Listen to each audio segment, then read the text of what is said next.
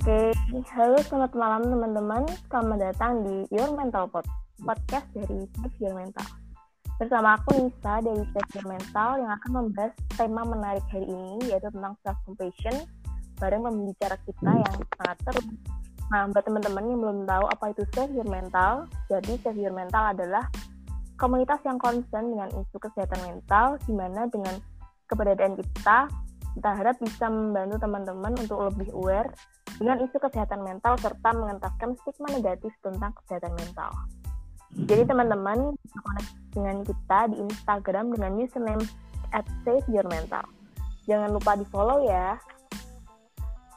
Nah sebelum kita mulai ada baiknya kita perkenalan diri terlebih dahulu. Nah di sini kita sudah ada Kak Dini dari Tajuk Psikologi. Halo Kak Dini. Halo, selamat malam. Selamat malam, apa kabar Kak? Alhamdulillah masih dikasih kesehatan. Kak Nisa apa kabar? Alhamdulillah baik banget meskipun uh, beberapa waktu yang lalu agak sakit. Alhamdulillah ya sudah mendingan berarti sekarang. Iya. Uh, Oke, okay. Kak Dini mungkin bisa memperkenalkan diri terlebih dahulu. Oke, okay, buat teman uh, sebelumnya saya mau berterima kasih nih buat teman-teman dari Save Your Mental yang sudah bersedia untuk mengundang tajuk psikologi untuk berpartisipasi di podcast dengan tema yang sangat menarik ya malam hari ini.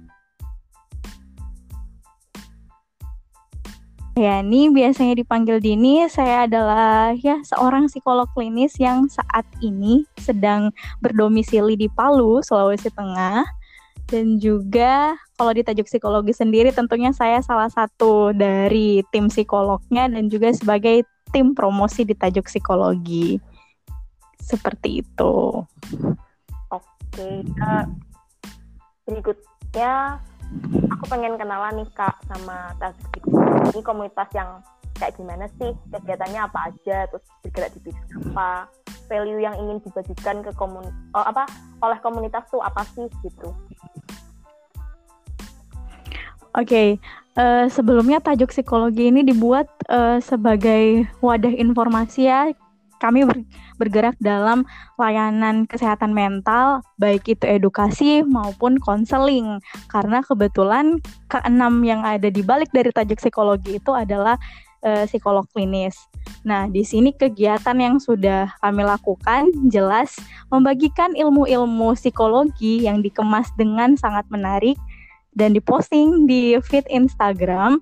Kemudian untuk layanan kesehatan mentalnya karena ini lagi pandemi, kami uh, biasanya melakukan membuka konseling baik online maupun tatap muka gitu. Kalau untuk kegiatan yang lain, kami juga aktif berkolaborasi dengan uh, teman-teman sejawat psikolog maupun teman teman-teman dari disiplin ilmu lainnya. Dan coming soon akan ada webinar dan juga jika memungkinkan akan ada mini sport group.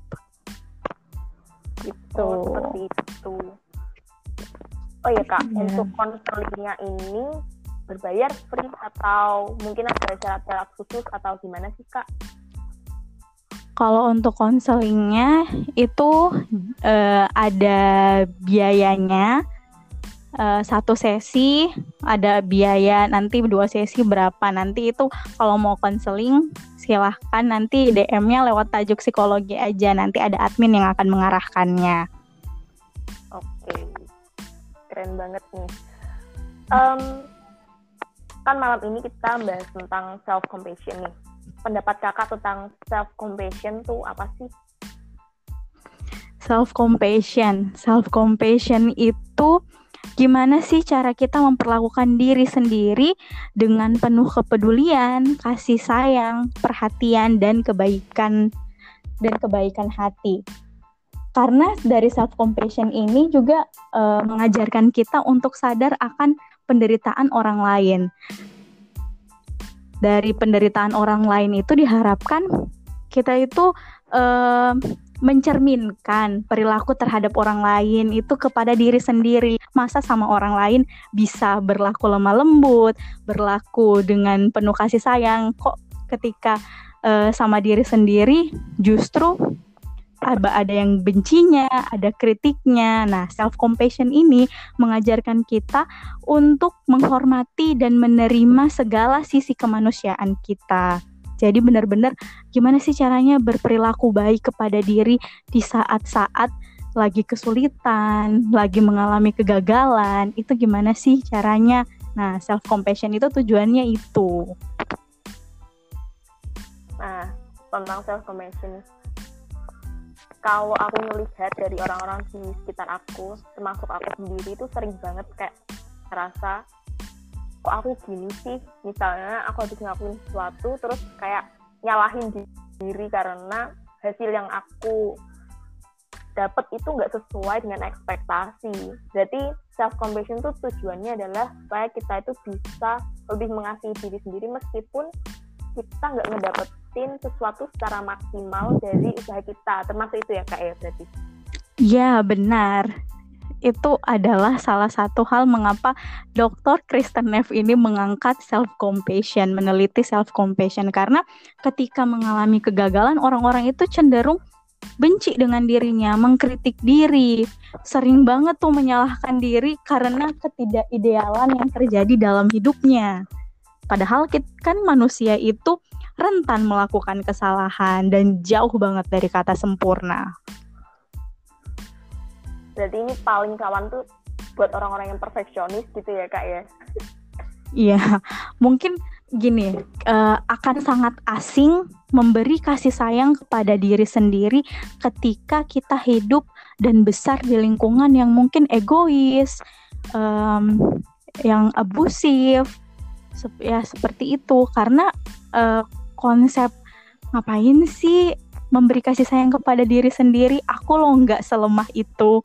Biasanya kan kayak gitu padahal nggak menunggu lemah dulu baru bisa memberikan kasih sayang kepada diri sendiri. Gitu. Oke. Okay. um, berarti urgensi dari self compassion ini sendiri adalah agar kita tuh nggak cuma menyayangi diri kita sendiri. Ah nggak menyayangi orang lain aja tapi kita juga menyayangi diri kita sendiri. Seperti itu ya kak ya ya benar terus apa saja sih kak manfaat self compassion bagi kesehatan mental Oke, okay, manfaat self compassion bagi kesehatan mental. Self compassion ini kan terdiri dari tiga komponen nih. Kalau misalnya tiga komponen ini benar-benar bisa kita uh, terapkan itu insya Allah uh, akan berdampak pada kesehatan mental kita.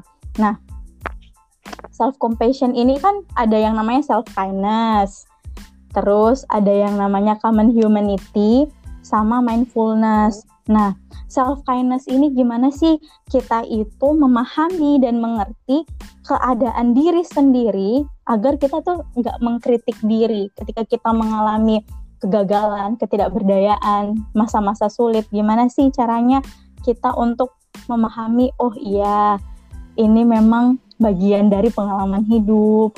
Oh iya, nggak selamanya apa yang diinginkan itu bisa kita dapatkan dengan mudah. Nah, kemudian yang common humanity ini di sini uh, lawannya itu dari self isolation yang di mana uh, ketika mengalami kegagalan pas, pasti merasa dirinya paling menderita.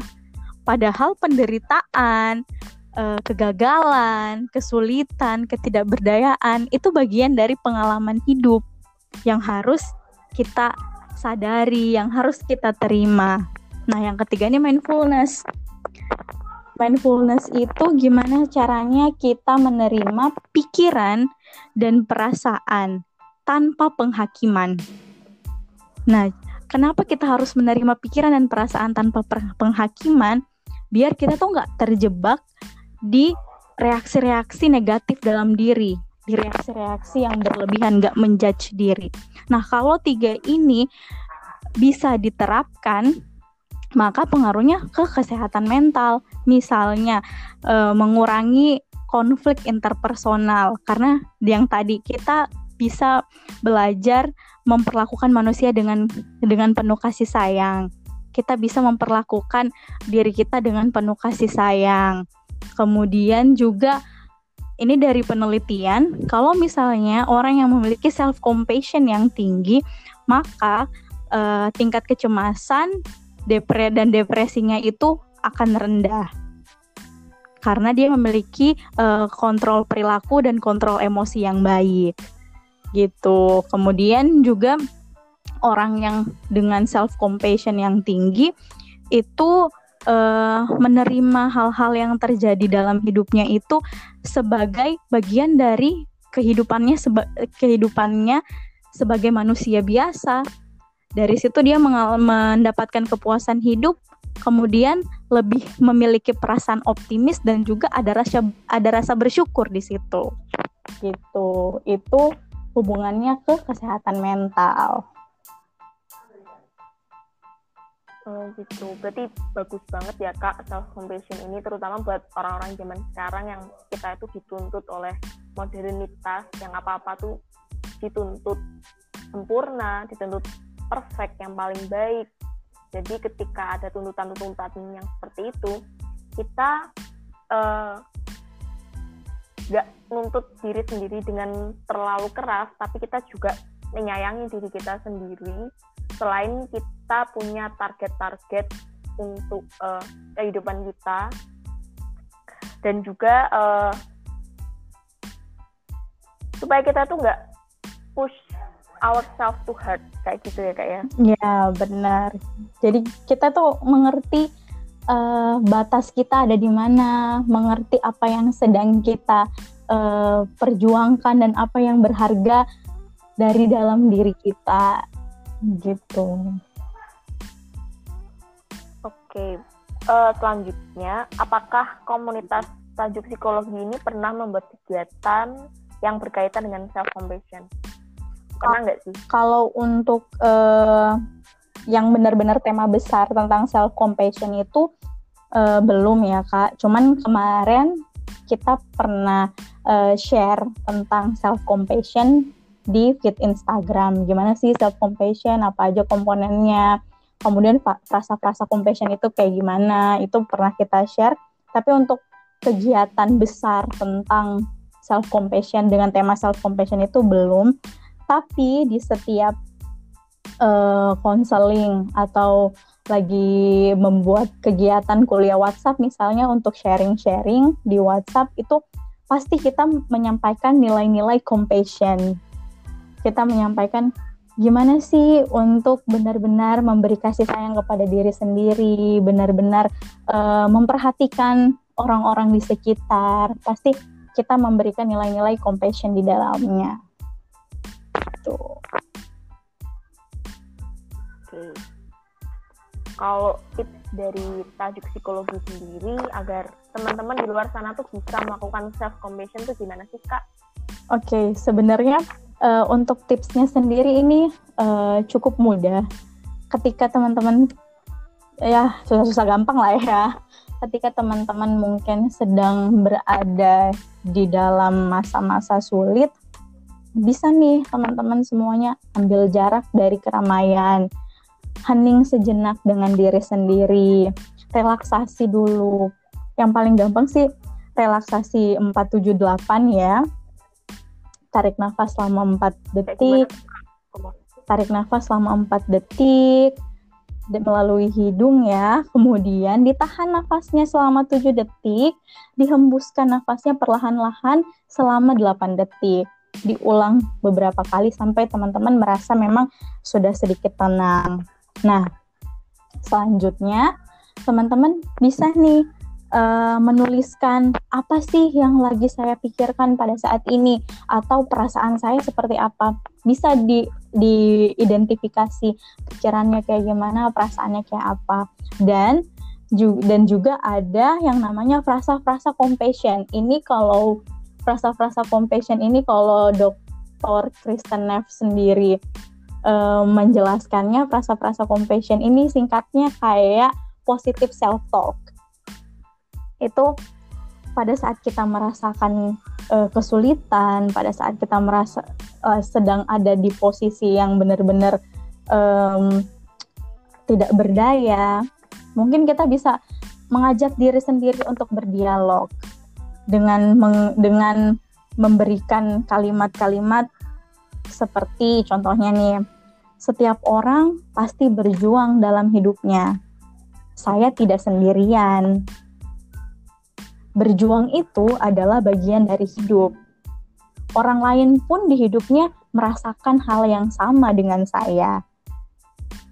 Ya, ini momen sulit dalam hidup dan ini menyakitkan. Jadi kita benar-benar sadar akan apa yang sekarang kita alami, tidak mencoba untuk uh, menekan perasaan itu dan tidak juga mencoba untuk menyangkal, tapi kita menerima perasaan itu. Kemudian selanjutnya kalau misalnya memang teman-teman lebih nyaman untuk uh, dengan media menulis, silahkan tuliskan semua yang teman-teman rasakan.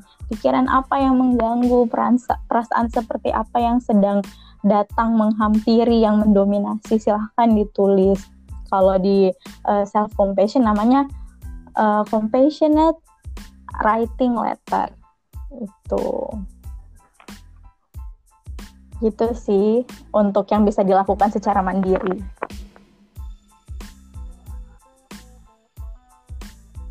okay. um, kalau yang aku amatin ya dari orang-orang di sekitar aku dan juga aku sendiri dalam self compassion ini yang paling sulit adalah ketika kita mengalami peristiwa yang menyakitkan terus gitu ya yeah. peristiwanya tuh kayak menghantam secara tiba-tiba itu kita tuh kayak nge-freeze dan kita tuh kayak tidak bisa berpikir jernih untuk keluar dari masalah itu dan juga uh, menyadari apa yang kita rasakan. Jadi tuh kayak kita tuh misalnya nih aku udah tahu kayak gini tip-tipnya. Terus habis itu besok ketika punya masalah kayak aku tuh lupa gitu aja kayak gelap mata kayak gitu. Nah itu tuh cara ngatasinnya tuh gimana sih kak? Oke, okay. itu reaksi yang wajar ya, reaksi yang wajar ketika kita sedang uh, berjuang ketika ekspektasi tidak sesuai eh, ketika kenyataan tidak sesuai dengan harapan dan ekspektasi kita. Itu adalah reaksi yang sangat wajar. Makanya kenapa saya bilang tadi ketika mendapatkan reaksi-reaksi seperti itu kita hening sejenak, mengambil jarak dengan dunia luar namun mendekatkan jarak dengan diri sendiri itu gunanya kenapa ada relaksasi tadi. Ketika benar-benar pikiran lagi kacau, yang benar-benar nggak bisa uh, berpikir jernih, diam aja dulu. Diam aja dulu. Kalau misalnya relaksasi nggak hanya itu ya, kalau misalnya memang ada orang yang mungkin ketika dia marah, ketika dia merasa sedih, mungkin dia dengan mengepalkan tangannya, kemarahannya akan tersalurkan. Dan apa pun yang sedang dirasakan pada saat itu jangan coba untuk disangkal. Jangan coba untuk ditekan. Biarin aja dia keluar. Pada saat itu mau menangis silahkan menangis. Kadang kita memang harus mengerti emosi apa yang sedang kita rasakan kalau misalnya sedih ya sedih mau menangis nangis berarti itu tandanya kita ngerti nih apa yang apa yang berharga dari diri kita apa yang berharga dari hidup kita. Kalau misalnya marah, silahkan marah, luapkan. Berarti itu tandanya kita ngerti apa hal yang sedang kita perjuangkan. Nah, dari situ, ketika sudah merasa tenang, lakukanlah hal-hal yang tadi yang sudah dijelaskan. Gitu, mulailah menulis karena um, karena setiap orang itu beda-beda ya kak. Gimana cara dia untuk uh, uh, untuk menghadapi stres yang sedang dirasakan. Ada yang bisa nulis, ada yang dengerin musik. Pokoknya lakukan kegiatan-kegiatan yang sekiranya tidak membebani. Kegiatan-kegiatan yang ringan lah, yang memang disenangi. Gitu.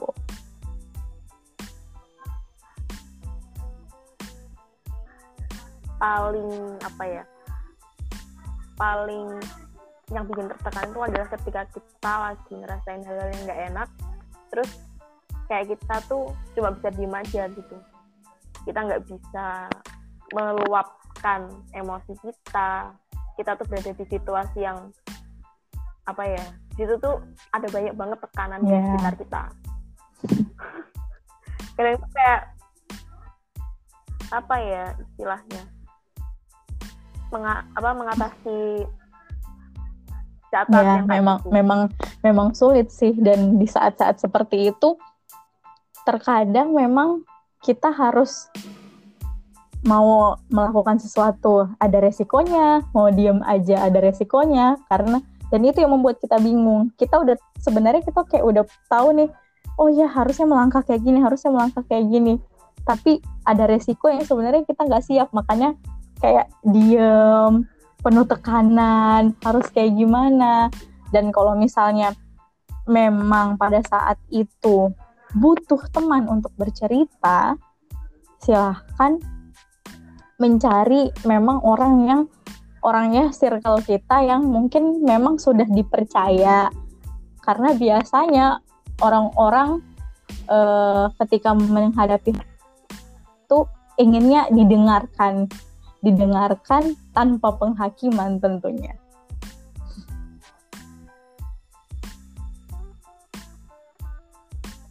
Oke, keren banget ya pembahasan malam hari ini. Kayak aku tuh ngerasa mulai ada pencerahan okay. Semoga membantu ya penjelasannya. Oke, okay. uh, dari penjelasan kakak tadi aku pengen highlight sedikit. Jadi kesimpulannya adalah self compassion adalah cara kita mempedulikan diri sendiri, menyayangi dan juga tidak lupa untuk senantiasa mengasihi diri kita sendiri ketika kita sibuk mengasihi orang lain. Nah, untuk manfaat self compassion itu sendiri adalah mengurangi konflik interpersonal, mengurangi tingkat kecemasan dan juga depresi. Nah, untuk tips-tips agar bisa melakukan self compassion yaitu yang pertama ketika kita mengalami yang sulit cobalah untuk menyendiri terlebih dahulu dan menarik diri dari hal-hal yang membuat kita merasa uh, sakit hati. Yang kedua, melakukan relaksasi. Kemudian kita bisa menuliskan apa yang sedang dirasakan dan juga melakukan positif self talk. Oke. Okay. Nah, itu tadi pembahasan kita tentang self compassion bersama Kak Dini dari Tajuk Psikologi. Nah, diharapkan kita bisa senantiasa mengasihi diri kita sendiri ketika kita sibuk minyak apa mengasihi orang lain.